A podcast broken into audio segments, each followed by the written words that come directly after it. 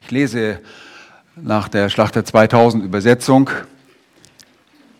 Malachi Kapitel 3, die Verse 13 bis 21.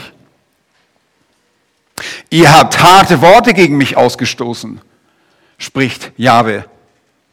Aber ihr fragt, was haben wir untereinander gegen dich geredet?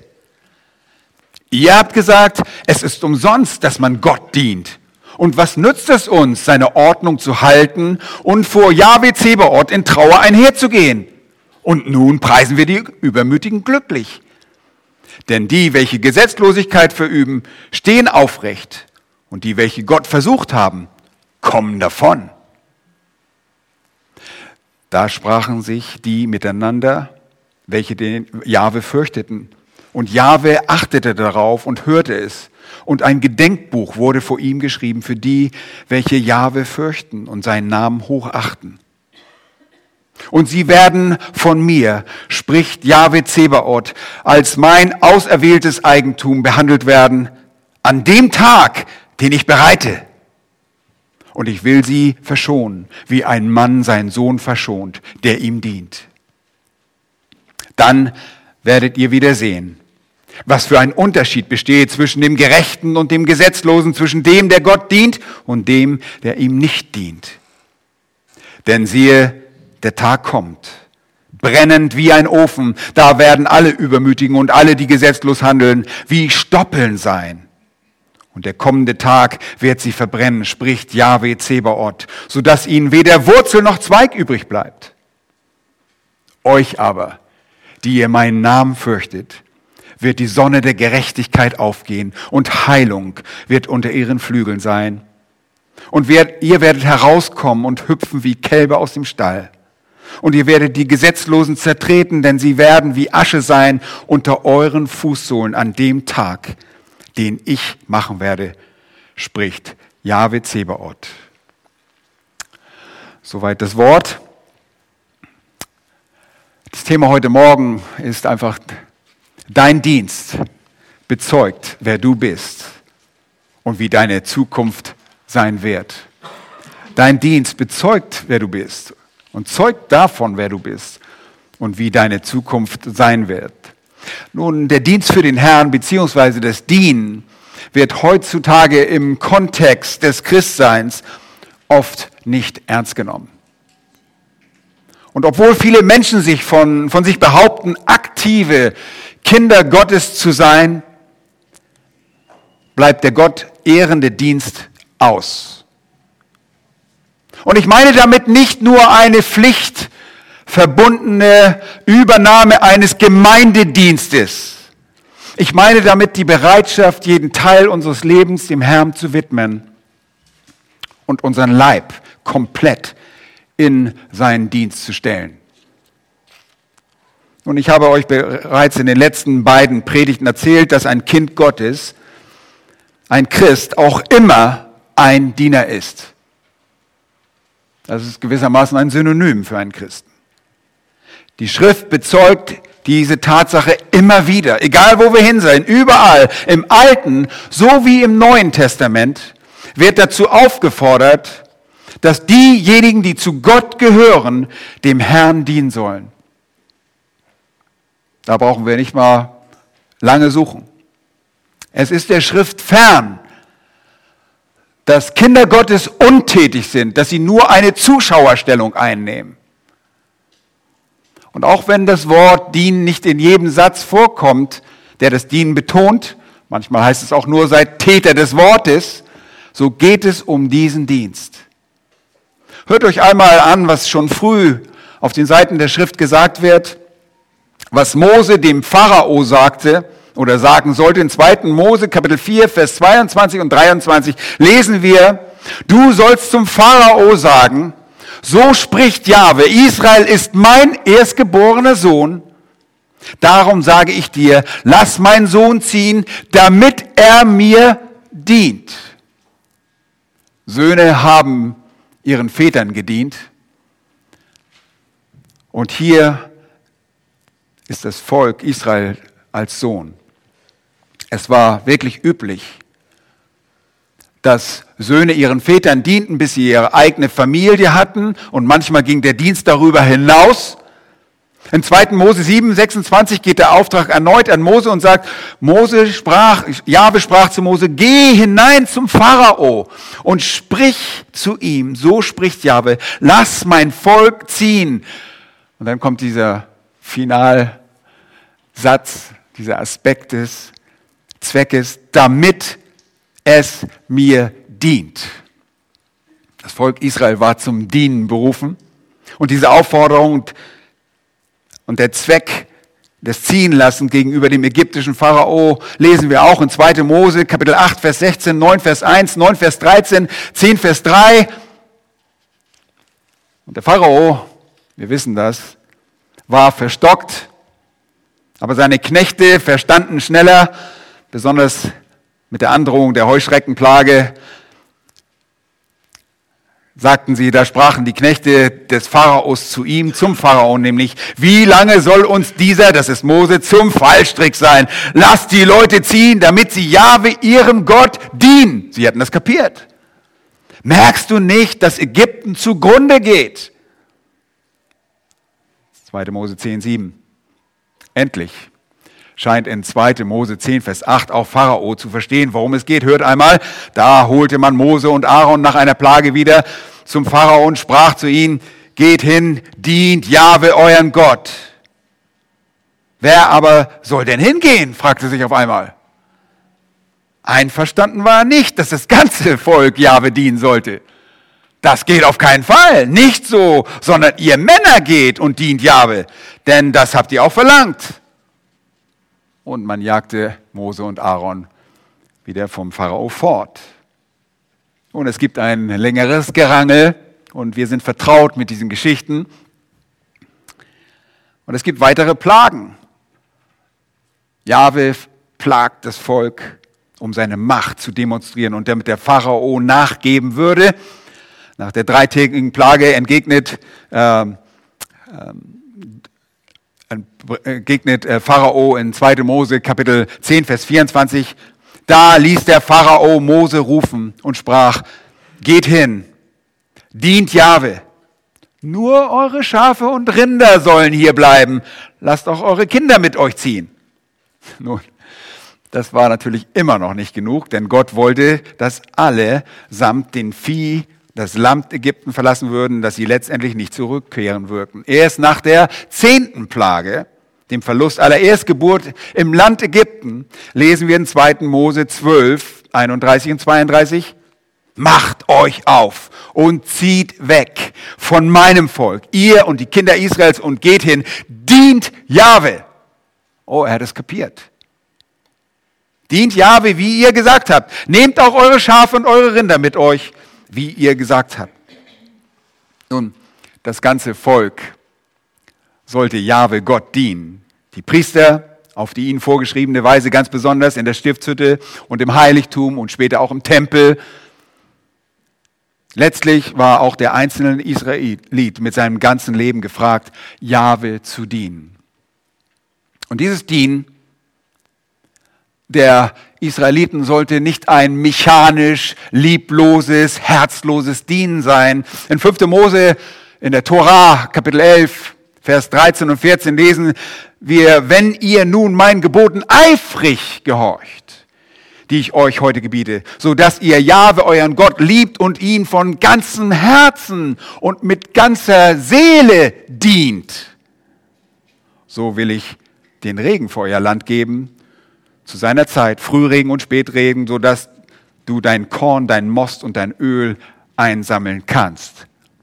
Und bereitwilliges Dienen, ein Dien von Herzen, sollte den Israeliten den Segen einbringen. Sie sollten gesegnet werden. Herzloses und widerwilliges Dienen sollte den Israeliten die Flüche Gottes einbringen. Auch das lesen wir in 5. Mose Kapitel 28 nach der Auflösung der Flüche in den Versen 45 bis 48 ganz genau. Und da heißt es, und alle diese Flüche werden über dich kommen und dich verfolgen und einholen, bis du vertilgt sein wirst. weil du der Stimme Jahwes deines Gottes nicht gehorsam gewesen bist, seine Gebote und Satzungen zu befolgen, die ich dir geboten, die er dir geboten hat. Und sie werden als Zeichen und Wunder an dir haften und an deinem Samen ewiglich. Dafür, hört mal gut zu, dass du Jahwe, dein Gott, nicht gedient hast. Kommt da ein Punkt? Nein. Sondern nicht gedient hast mit fröhlichem und bereitwilligem Herzen, als du an allem Überfluss hattest, musst du deinen Feinden, die Jahwe gegen dich senden wird, dienen in Hunger und Durst. Oh, sie sollten weiter dienen, aber in Hunger und Durst. In Blöße und in Mangel, in allem, an allem. Und er wird ein eisernes Joch auf deinen Hals legen, bis er dich vertilgt hat. Nun, Josua, der Nachfolger Moses, greift den Befehl dieses Gebotes des Dienstes auf und mahnte die Rubiniter, die Gaditer und den halben Stamm Masse, Manasse auf, die bei der Landeinnahme in Transjordanien das äh, wohnen wollten und sagt, nehmt euch nur in Acht, dass ihr das Gebot, das Gesetz tut, das euch Mose, der Knecht Jahwes geboten hat, dass ihr Jahwe euren Gott liebt und auf allen seinen Wegen wandelt und seine Gebote befolgt, ihm anhängt und ihm dient. Wie? Von ganzem Herzen und von ganzer Seele. Josua 22, Vers 5. Ich möchte euch empfehlen, geht einmal bei Gelegenheit, wenn ihr die Zeit dazu habt, Josua Kapitel 23 und 24 unter diesem Aspekt des Dienstes durch. Schaut euch das mal an. Nun, der hochbetagte Josua mahnt zunächst das Volk, nachdem Jahwe Gott ihnen von den Feinden Ruhe verschafft hatte und sagt in Josua 23, und ich mache nur einen kleinen Einblick in dieses Kapitel, weil wir müssen zum Eigentlichen kommen, so haltet nun fest daran, alles zu befolgen und zu tun, was im Buch des Gesetzes geschrieben steht, dass ihr nicht davon abweicht, weder zur Rechten noch zur Linken, damit ihr euch nicht mit diesen Völkern vermischt die noch bei euch übrig geblieben sind und nicht die Namen ihrer Götter anruft, noch bei ihnen schwört, noch ihnen dient, noch sie anbetet. Lieben, der Mensch ist zum Dienen geschaffen. Und er dient auch immer. Der Mensch dient immer. Entweder dient er sich selbst und ist ein, sein eigener Herr und sein eigener Gott, oder er dient anderen Göttern und Götzen und lässt sich durch diese sündigen Dienst versklaven. Und das sollten die Israeliten nicht tun. Und er kann auch den Feinden des Herrn dienen. Wir haben gerade gesehen, sie mussten den Feinden dienen. Das hat Gott selbst gesagt, wenn ihr mir nicht dient, dann werdet ihr unter einem Joch den Feinden dienen. Und der Mensch kann zum Werkzeug des Satans, des Teufels werden und ihm dienen. Und das geschieht jedes Mal, wenn wir Gott nicht dienen. Dann dienen wir letztlich dem Feind. Und die Israeliten sollten den Götzen und Göttern nicht dienen. Das wird immer wieder deutlich gesagt. Und darum ruft Josua später auch in Richter Kapitel 24, Vers 14 dazu auf, so fürchtet nun Jahwe und dient ihm aufrichtig. Und wie? In Wahrheit und tut die Götter von euch hinweg, den eure Väter jenseits des Stromes und in Ägypten gedient haben. Und dient Jahwe. Und das Volk, es antwortet. Und er sagt, das sei ferne von uns, dass wir Jahwe verlassen und anderen Göttern dienen. Richter 24, 16. Und ich kann euch jetzt keine umfassende Handlung über das Dienen im Alten Testament geben. Ihr sollt nur wissen, die Israeliten wussten, sie sollen ihrem Gott, sie sollten Jahwe dienen. Leider, und so sehen wir im Laufe der Geschichte des Volkes Israels, dienen sie nicht Gott, sondern auch anderen Göttern. Sie weichen davon ab und wenn sie nicht anderen Göttern dienten, dann dienten sie sich selbst, ihren eigenen Wünschen und Lüsten. Sie versagen kläglich und im Laufe des, der, ihrer Geschichte sehen wir deshalb auch immer wieder das angedrohte Strafgericht. Gott hat gesagt, wenn ihr das nicht tut, dann gibt es Strafe dafür. Und diese Strafe hat sich darin ausgedrückt, dass das Volk auch in die Gefangenschaft ging, dass es wegging in die Gefangenschaft. Wir wissen um das Nordreich, das in die assyrische Gefangenschaft geht. Wir wissen um die babylonische Gefangenschaft für das Südreich in 586 vor Christus. Gott gebrauchte diese Völker, um das Volk Israel zu richten, für ihren Ungehorsam, für ihren eigennützigen Dienst, für ihren Dienst gegenüber den Göttern. Nun, jetzt kommen wir zu diesem Text in Maleachi, und das ist das letzte Buch im Alten Testament. Gott hat sich erbarmt über das Volk. Die Gefangenschaft in Babylon ist zu Ende. Es wird wieder der Tempel aufgebaut. Auch da brauchten sie ein bisschen Nachhilfe. Ähm, ihr kennt das Buch, äh, den nachexilischen Propheten Haggai. Die Israeliten nahmen das Holz, das für den Tempel bestimmt war, für ihre eigenen Häuser, bauten ihre eigenen Häuser dafür, davon. Und sie hatten offensichtlich noch nicht so viel gelernt, aber sie brauchten sehr viel Ermutigung. Und in 516 vor Christus ist die Fertigstellung des Tempels endlich gegeben. Endlich ist der Tempel fertig und sie beginnen wieder den priesterlichen Dienst. Der Tempeldienst wird wieder eingeführt. Und der Prophet Maleachi tritt ungefähr 70, 80, 90 Jahre später auf. Und der Dienst der Israeliten ist wieder ein rein traditioneller, ein Ritual geworden.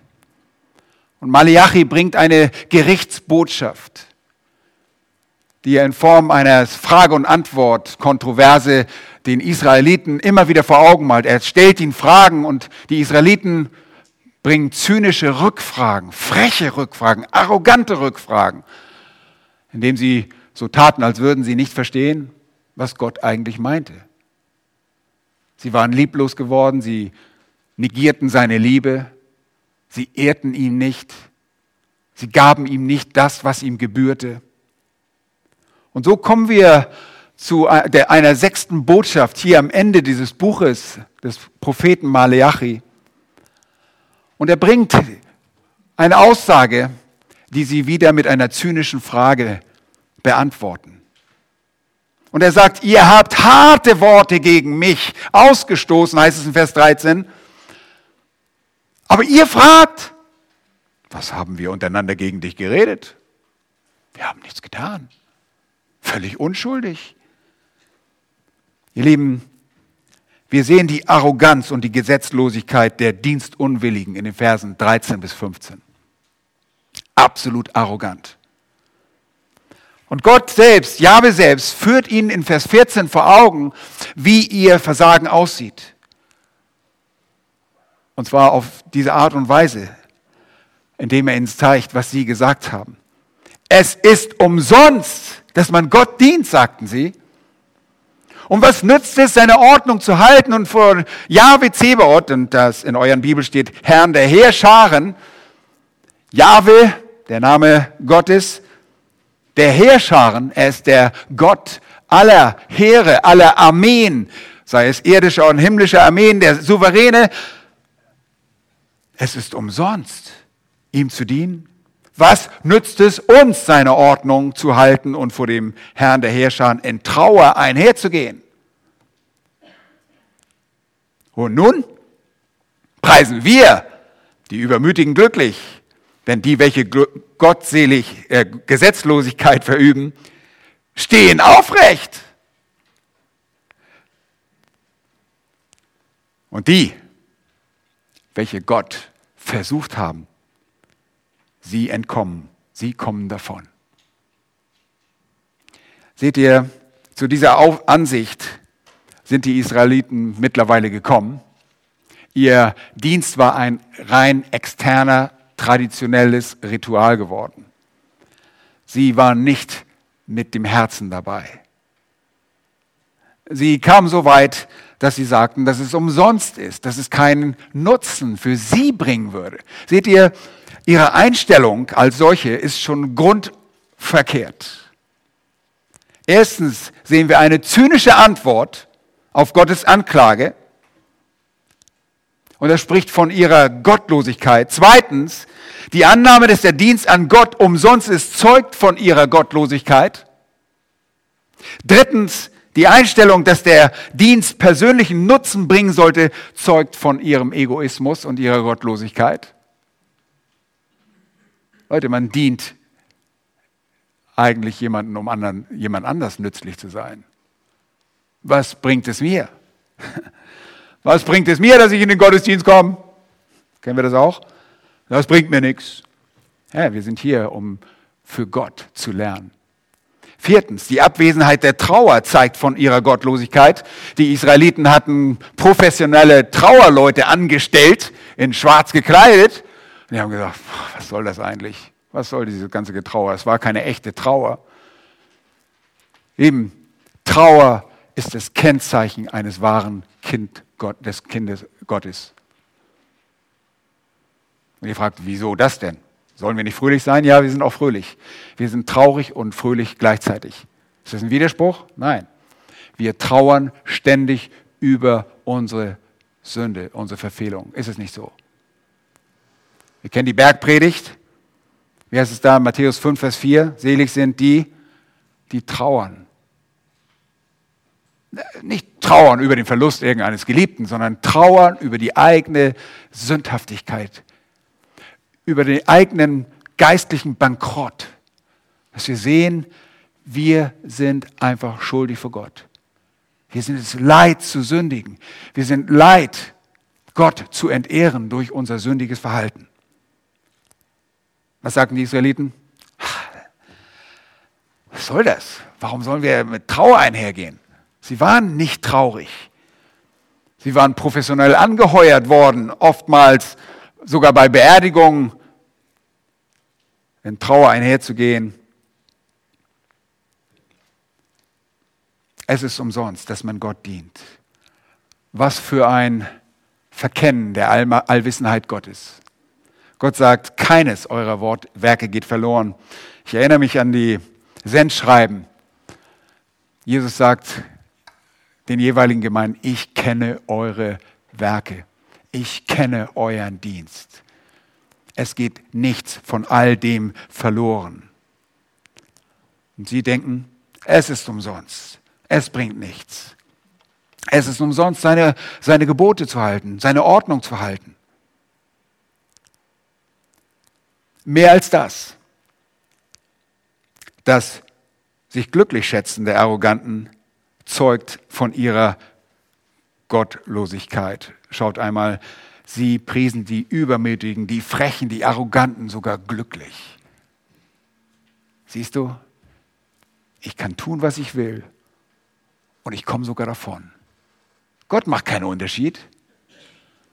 Und ihr Lieben, ihr wisst um Psalm 73, der Psalmist guckt auf die Gottlosen und er sagt, ich wäre fast gestrauchelt. Ich habe die beneidet da. Ich habe darüber geguckt und habe gedacht, meine Güte, warum geht es den Gottlosen so gut? Und das ist wahr. Dem Gottlosen geht es manchmal so gut. Und wir halten seine Gebote. Und die Israeliten haben seine Gebote gehalten. Und sie kamen gerade zurück aus der Gefangenschaft und ihre Ernten haben das nicht eingebracht. Übrigens auch eine Konsequenz oder ein Resultat ihrer Gottlosigkeit. Denn Gott hat gesagt, wenn ihr nicht mir meinen Gesatzungen befolgt von ganzem Herzen, dann werde es keinen Regen geben. Kein Regen bedeutet trockenes Land, keine Ernten. Sie waren undankbar, sie wurden arrogant, sie taten Böses.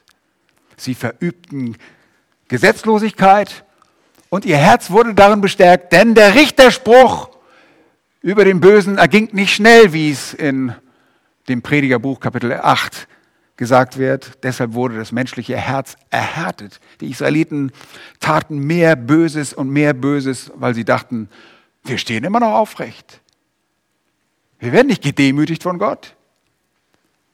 Vergaßen, dass sie gerade aus der Gefangenschaft kamen.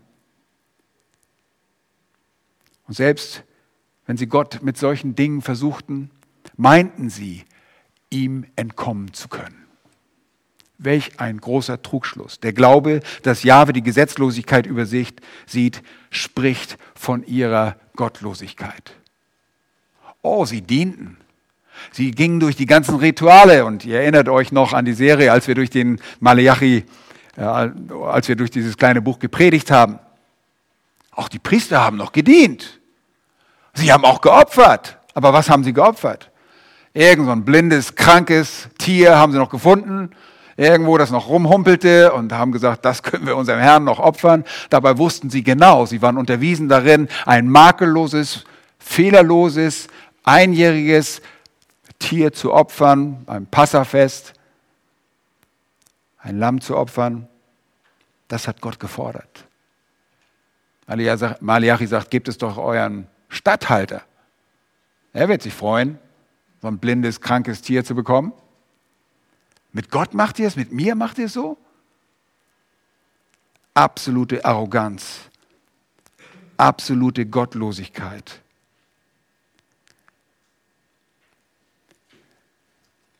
Ihr Lieben, ihr ganzer Dienst war auf sich, aus, auf sich selbst ausgerichtet. Was nützt es und wo bringt es mir Profit? Wo bringt es mir selbst Gewinn? Ihr Lieben, das ist die Einstellung eines gottlosen Menschen. Bevor wir zu Christus kamen, war da genau das unsere Einstellung. Und leider, ihr Lieben, kommt es auch manchmal vor, dass wir als Christen uns so verhalten, dass wir denken, was bringt das denn mir ein? Unsere Frage muss sein, was bringt mein Dienst Gott? Wie kann ich Gott ehren?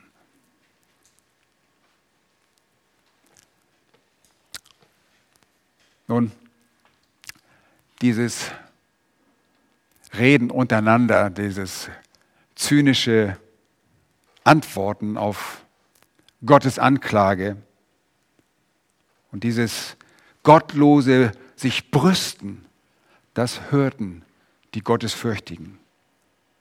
Und wir sehen in den Versen 13 bis 18 die Garantie einer privilegierten Behandlung der Diener Gottes. In Vers 16 fängt der Vers an, da besprachen sich die miteinander es als, als Reaktion auf das, was sie hören, wie die Gottlosen sind. Sie sprachen miteinander, welche den Herrn fürchteten, welche Jahwe fürchteten. Und Jahwe achtete darauf. Er achtete auf ihre Worte und hörte es.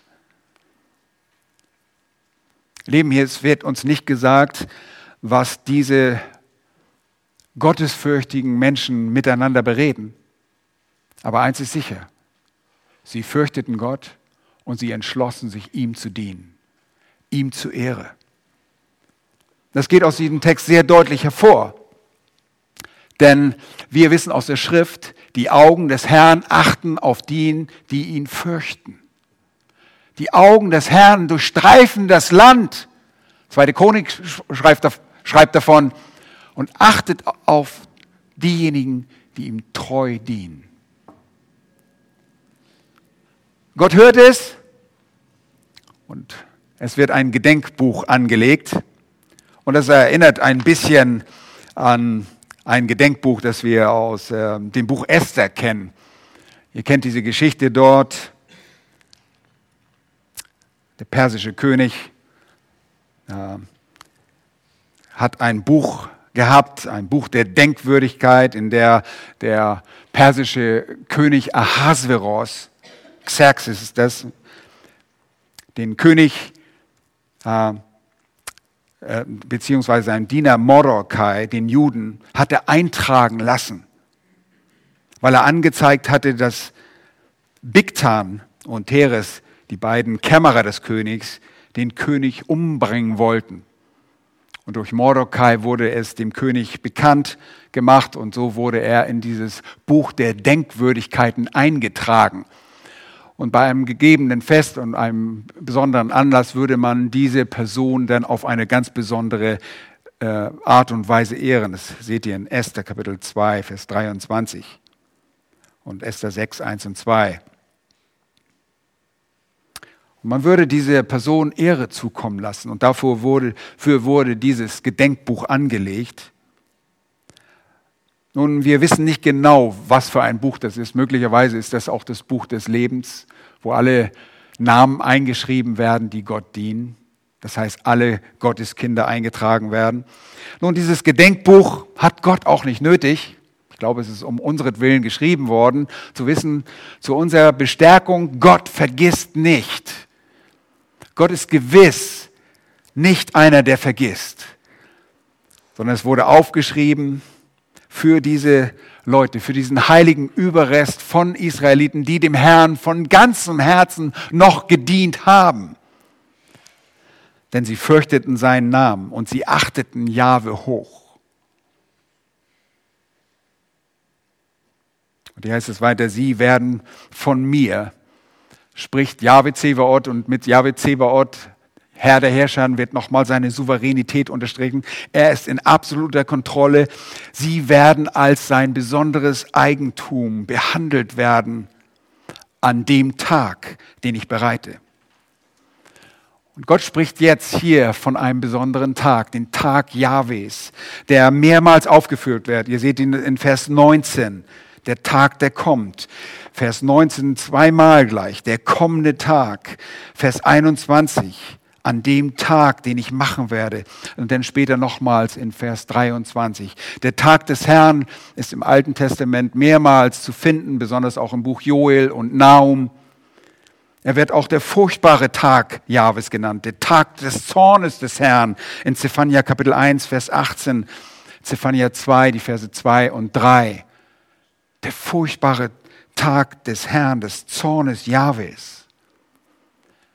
Es ist ein Ausgießen des Zornes Gottes.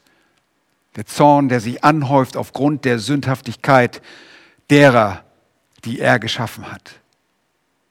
Aber an diesem Tag den Tag des Zornes, wird Gott, Jahwe Gott, diese Gottesfürchtigen, die er in sein Gedenkbuch einträgt, als sein besonderes Eigentum behandeln. Er wird sie schützen und mehr als das, er wird sie segnen. Der Tag des Herrn enthält somit auch Segnung und nicht nur Zorn. Das ist ein interessanter Aspekt, den wir an dieser Stelle gleich noch sehen werden. Sie werden behandelt werden als ein auserwähltes Eigentum, Privateigentum Gottes, an dem Tag, den ich bereite und ich werde sie verschonen. Auf eine ganz besondere Art und Weise, wie ein Mann seinen Sohn verschont, der ihm dient. Nun, wenn Söhne bei den Israeliten ihren Vätern nicht gedient haben, wenn sie rebelliert haben, kam es sogar so weit, dass diese Söhne gesteinigt wurden. Den ersten Stein hoben die Eltern auf. Wenn sie rebelliert haben und den Eltern nicht gedient haben, nicht bereit waren, ihren Eltern zu dienen, ihnen Respekt zu erweisen, dann wurden sie sogar gesteinigt. Als Konsequenz ihres Ungehorsams gab es Strafen. Aber hier sagt er, ich werde sie verschonen, wie ein Mann seinen Sohn verschont, der ihm dient. Ein wunderbares Bild. Und dann macht er sehr deutlich, wie Gott eines Tages einen Unterschied machen wird. Der Unterschied, der scheinbar nicht da zu sein schien, an dieser Stelle ging es den Gottesfürchtigen wahrscheinlich nicht sehr gut. Sie litten auch unter der Gesetzlosigkeit, unter der Ungerechtigkeit des nicht dienenden Volkes. Sie litten. Aber Gott sagt, ich werde einen Unterschied machen und ihr werdet wieder differenzieren. Er sagt, dann, Vers 18, werdet ihr wiedersehen. Wann dann? An dem Tag, den ich machen werde. Dann werdet ihr wiedersehen. Warum wiedersehen? Haben Sie es schon mal gesehen? Ihr werdet wiedersehen, was für ein Unterschied besteht zwischen den Gerechten und Gesetzlosen, zwischen dem, der Gott dient und dem, der nicht dient. Hatten Sie es schon mal gesehen? Oh ja, die Gerichte Gottes sind sehr deutlich in der Schrift. Wir brauchen nur zurückgehen, schlagt eure Bibeln kurz auf. 2. Mose, Kapitel 11 und Vers 7.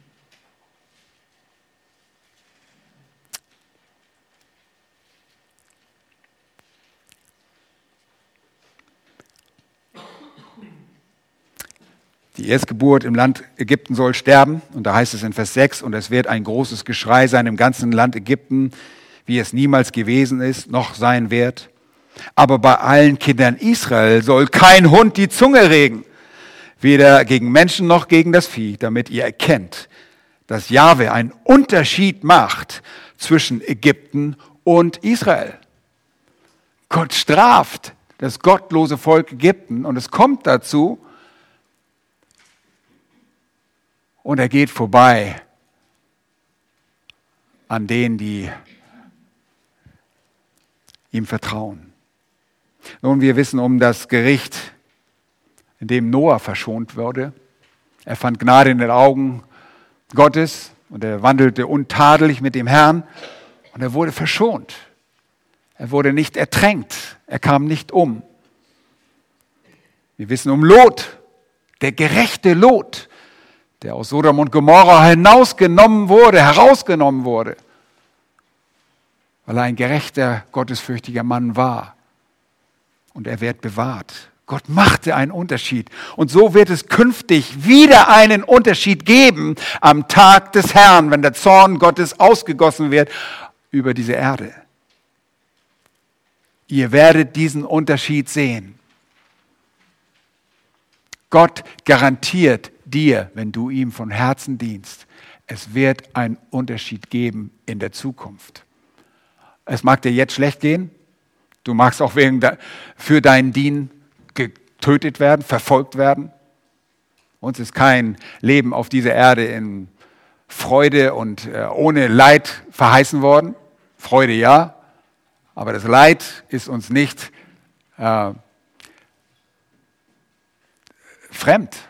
Auch wir, wir wissen um viele Christen, wir lesen in der Schrift von vielen gottesfürchtigen Menschen, die getötet worden sind. Aber es wird einen Unterschied geben. Der kommende Unterschied zwischen den Gerechten und Gottlosen, der wird jetzt ganz deutlich in den Versen 19 bis 21. Da wird es konkretisiert. Und er sagt jetzt, wo wird der Unterschied stattfinden? An dem Tag, den ich machen werde. Schaut einmal in Vers 19. Denn siehe, der Tag kommt. Der Tag, von dem er gerade in Vers 17 gesprochen hat. Er kommt. Wie kommt er? Brennend wie ein Ofen. Und er macht das sehr anschaulich. Und jeder Israelit wusste sofort, wovon er spricht. Und ihr wird nicht von irgendeinem Hochofen, den du dir vorstellst, oder von irgendeinem äh, Siemens-Ofen, der bei dir in der Küche steht, gesprochen, sondern von einem Tanur, von einem ganz gewöhnlichen Ofen, den die Israeliten zum Brotbacken benutzten und die sie auch mit Stroh befeuerten. Du denkst, wer befeuert schon seinen Ofen mit Stroh? Das bringt ja gar keine Wärme. Nun, zum Brotbacken wurde genau das schnell erreicht, indem man Stroh verfeuerte und das Stroh brachte sofort große Temperaturen. Ein Feuer brennt viel heißer in einem Ofen als außerhalb, in einem Fre im Freien. Und in diesem Ofen würde dieses Stroh, diese Stoppeln, dieser Überrest des Getreide, das verfeuert wurde, würde sehr schnell ein sehr heißes Feuer bringen. Und der Israelit wusste, oh, da muss man schnell die Hände wieder rausziehen. Ich habe selbst als Installateur Strohöfen kennengelernt auf Bauernhöfen, hoche. Es gibt Technologien, wo Stroh verheizt wird. Ähm, moderne Technik. Aber hier, der Israelit wusste sofort, das gibt ein Röhren, schmeiß da mal ein bisschen Stroh rein. Da geht die Post ab, da musst du deine Hand schnell rauskriegen. So kommt dieser Tag. Der Tag des Zornes des Herrn kommt, brennend wie ein Ofen. Und da werden alle Übermütigen und alle, die gesetzlos handeln, wie Stoppeln sein. Hey, diese trockene, dieser trockene Rest der Getreide, des Getreides, das übrig bleibt, diese Halme, ohne natürlich die Ehren, das wurde zu Brot gemacht, aber das würde verbrennen. Und der kommende Tag wird sie verbrennen. Und das spricht tatsächlich von Vernichtung. Der Gottlose wird vernichtet. Derjenige, der dem Herrn nicht dient oder ihm nicht von ganzem Herzen dient, offenbart damit, dass er gar nicht zu ihm gehört. Er wird verbrannt. Er wird verbrannt. Und schaut einmal, wer sagt das? Hat sich das der Prophet selbst ausgedacht? Nein, so spricht Jahwe Zebaoth. Gott hat es so gesagt. Und dann sagt er, dieser Tag wird kommen und sie verbrennen und er wird ihnen was nicht übrig lassen? Weder Wurzel noch Zweig. Nun, wenn ihr an Bäume denkt, dann gibt es Elemente, die oberhalb der Erde sind und unterhalb. Oberhalb sind die Zweige, unterhalb die Wurzeln. Aber beides, sagt er, wird verbrennen. Es wird nichts übrig bleiben. Er spricht von der vollkommenen Auslöschung der Gottlosen an dem Tag des Zornes. Lieben, ihr müsst verstehen, dass dies ein Bild ist. Das ist nicht ein äh, normaler 24-Stunden-Tag, sondern das ist der Tag des Gerichts, wo Gott Gericht hält mit allen Gottlosen. Und ihr fragt euch, Moment mal, aber die Gottlosen sind noch damals gestorben. Oh, täuscht euch nicht. Sie leben noch. Und die Gräber werden sich öffnen und Gott wird die Toten aus ihren Gräbern rufen und er wird sie ins Gericht nehmen. Und dann wird er sie in den Feuersee werfen. Die Hölle ist im Moment leer. Die Hölle wird erst voll gemacht, wenn es Zeit ist, dass Satan in, seinen, in den Feuersee geworfen wird. Und dann kommen alle Gottlosen dort hinzu. Sie werden verbrennen. Aber nicht in einem Sinne, dass sie weg sind, sondern werden dort ewige Pein leiden. Hier von dieser Erde werden sie verschwinden. Es wird ihnen weder Wurzel noch Zweig übrig bleiben. Sie können nicht neu aufsprossen.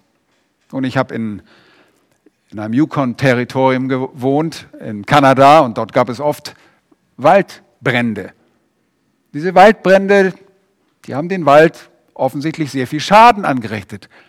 Aber nach gewisser Zeit spross irgendwie ein neuer Trieb auf und es kam was Neues, weil es noch Wurzeln gab.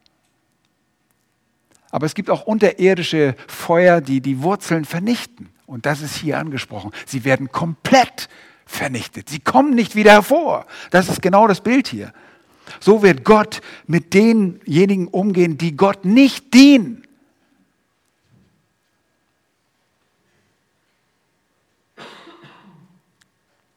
Und dann heißt es, und jetzt kommt ein sehr starker Kontrast. Und was ist, der, was ist nochmal der, die Absicht?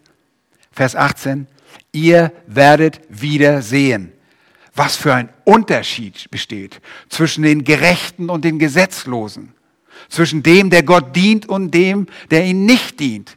Nun, die, die ihm nicht dienen, die sind jetzt verbrannt euch aber, ein sehr starker Kontrast, die ihr meinen Namen fürchtet, wird die Sonne der Gerechtigkeit aufgehen und Heilung wird unter ihren Flügeln sein. Und ihr werdet herauskommen und hüpfen wie Kälber aus dem Stall. Wunderbares Bild. Nun, die Kirchenväter waren sich hier einig, die Sonne der Gerechtigkeit kann niemand anderes sein als der Herr Jesus Christus selbst. Hier nimmt Maleachi Bezug auf die ägyptische Ikonografie, diese sogenannte Solardisk, wo man eine Sonne sieht mit äh, Strahlen. Es wird hier gesagt, die Sonne der Gerechtigkeit wird aufgehen in den Strahlen, nicht ihre Heilung. Das ist das Bild und wir wissen um die heilende Kraft der Sonne. Die Ägypter hatten schon sehr früh Sonnenterrassen. Heute reden wir immer nur, dass wir uns einschmieren müssen, aber Sonne hat auch heilende Wirkung, glaubt mir das. Er ist die Sonne der Gerechtigkeit. Er bringt die Gerechtigkeit, die wir uns so sehr erwünschen. Nun, wann wird das sein? An dem Tag des Herrn.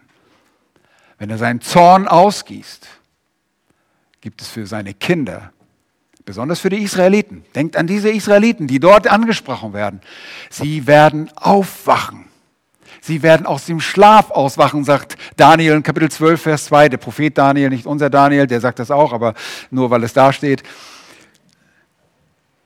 Sie werden aufwachen und sie werden in das Reich eingehen. In das Reich, in dem Gerechtigkeit und Frieden herrschen wird.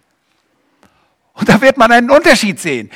Die anderen gehen in die ewige Verdammnis am Tag vor dem großen weißen Thron, wenn Bücher geöffnet werden und das Urteil ergeht, du hast mir nicht gedient, du hast nicht für mich gelebt oder du hast mir gedient, aber du hast nur ein, du warst nur ein, du bist nur durch Rituale gegangen.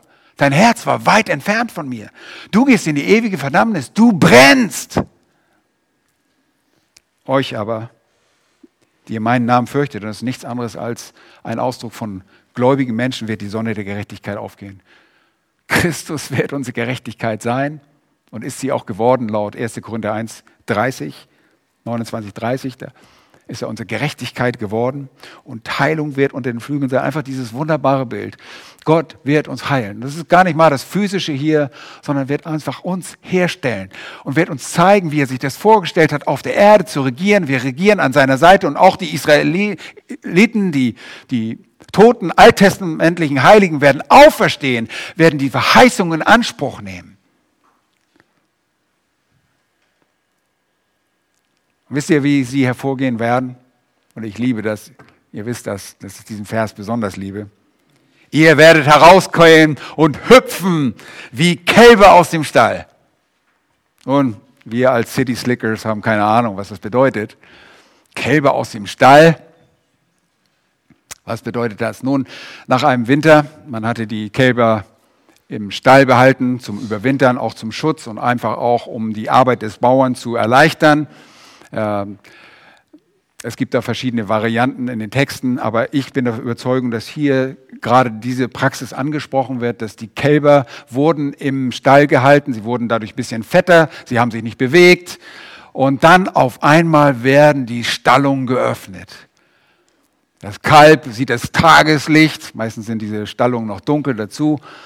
Und ich habe ja vor vielen Jahren mal dieses Vorrecht mehrmals miterlebt bei meinem Schwiegervater auf dem Hof, wenn die Kälber auf die Weide gelassen werden. Das ist ein Spektakel, sondergleichen.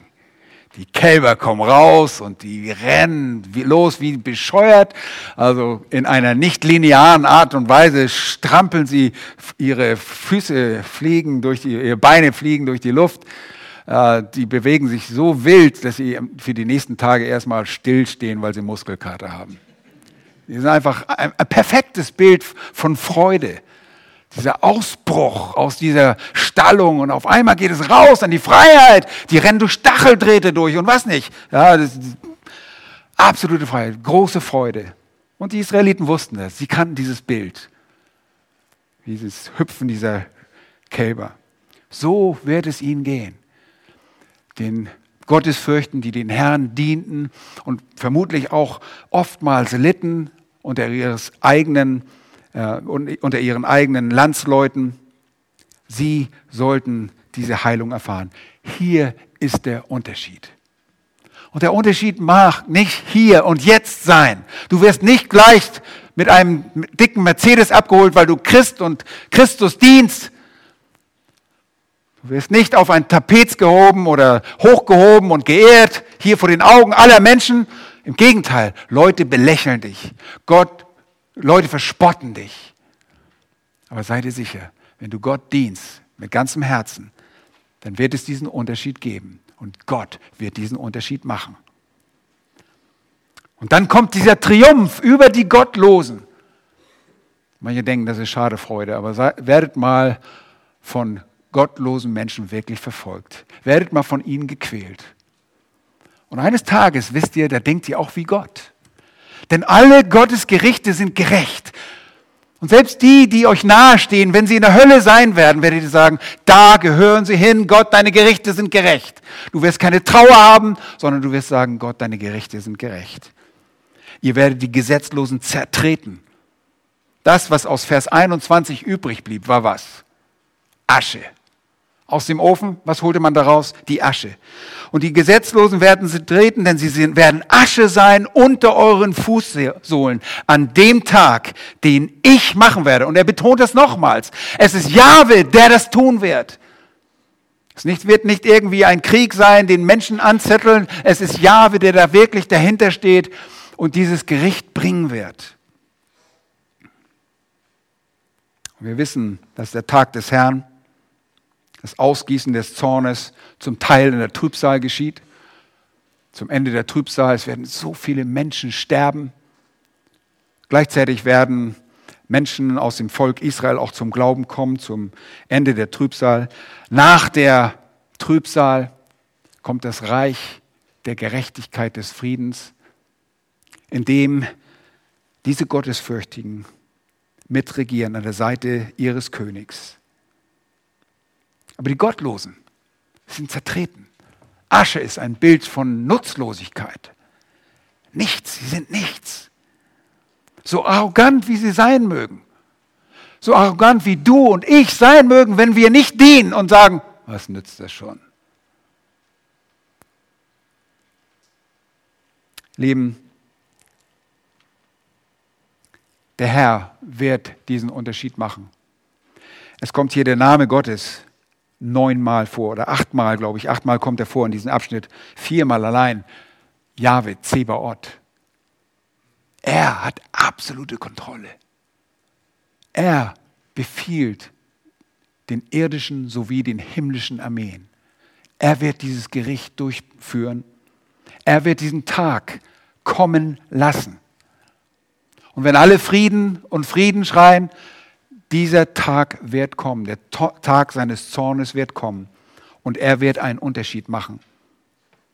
Er wird wieder herausstellen, wer zu ihm gehört und wer nicht. Lieben, und jetzt kannst du anfangen und dich selbst fragen. Diene ich dem Herrn? Diene ich dem Herrn von ganzem Herzen? Ich meine nicht, ob du hier die Fenster zweimal putzt oder die Stühle gerade stellst, sondern ist dein ganzer, ganzes Leben in seinem Dienst. Bist du bereit, für ihn zu leben? Ich weiß, ihr müsst zur Arbeit gehen, aber gerade da könnt ihr ihm dienen. Für ihn arbeiten. Alles, was ihr tut, tut von Herzen als im Herrn. Ob ihr esst oder trinkt, alles, was ihr tut, tut zur Ehre des Herrn. Ihr dient dem Herrn immer. Das muss unsere Einstellung sein. Und dein Dienst bezeugt letztlich, wer du bist. Und es wird darüber entscheiden, wie deine Zukunft sein wird. Wenn du einen herzlosen Dienst verrichtest, dann mag es sein, dass du gar nicht zu ihm gehörst. Vielleicht gehst du durch irgendwelche Rituale und sagst, oh ja, ich, ich mache ja was. Ich mache ja was für den Herrn. Du kannst ja mit deinem Machen auch gar nichts verdienen. Es ist nur ein Ausdruck dessen, dass du ihn liebst, wenn du ihm dienst. Und das muss sich durch dein ganzes Leben durchziehen. Du kannst nicht sagen, okay, sonntags diene ich ihm, da stelle ich Stühle oder da predige ich oder sonst was. Ich kann nicht sagen, am Montag bin ich wieder der Alte und da mache ich, was ich will. Ich diene ihm immer. Und um das noch deutlicher zu machen, sagt Jesus, wir sind Sklaven Jesu Christi. Wir gehören nicht mal uns selbst. Wir haben einen neuen Herrn und einen neuen Meister. Ihm zu Diensten wollen wir stehen. Seid ihr dazu bereit? Denkt an die Zukunft. Denkt an das, was kommen wird. Und denkt auch daran, dass ihr jetzt schon euren Gott ehrt. Möge der Herr das schenken, dass wir nicht als solche erfunden werden, die arrogant und übermütig werden, weil das Gericht manchmal auf sich warten lässt. Ich muss zugeben, das ist, ich glaube, ich falle manchmal einige Sünden zurück, weil ich denke, boah, ich bin davon gekommen. Wir müssen uns ernsthaft prüfen, wie wir es meinen. Lasst uns das gemeinsam tun und beten.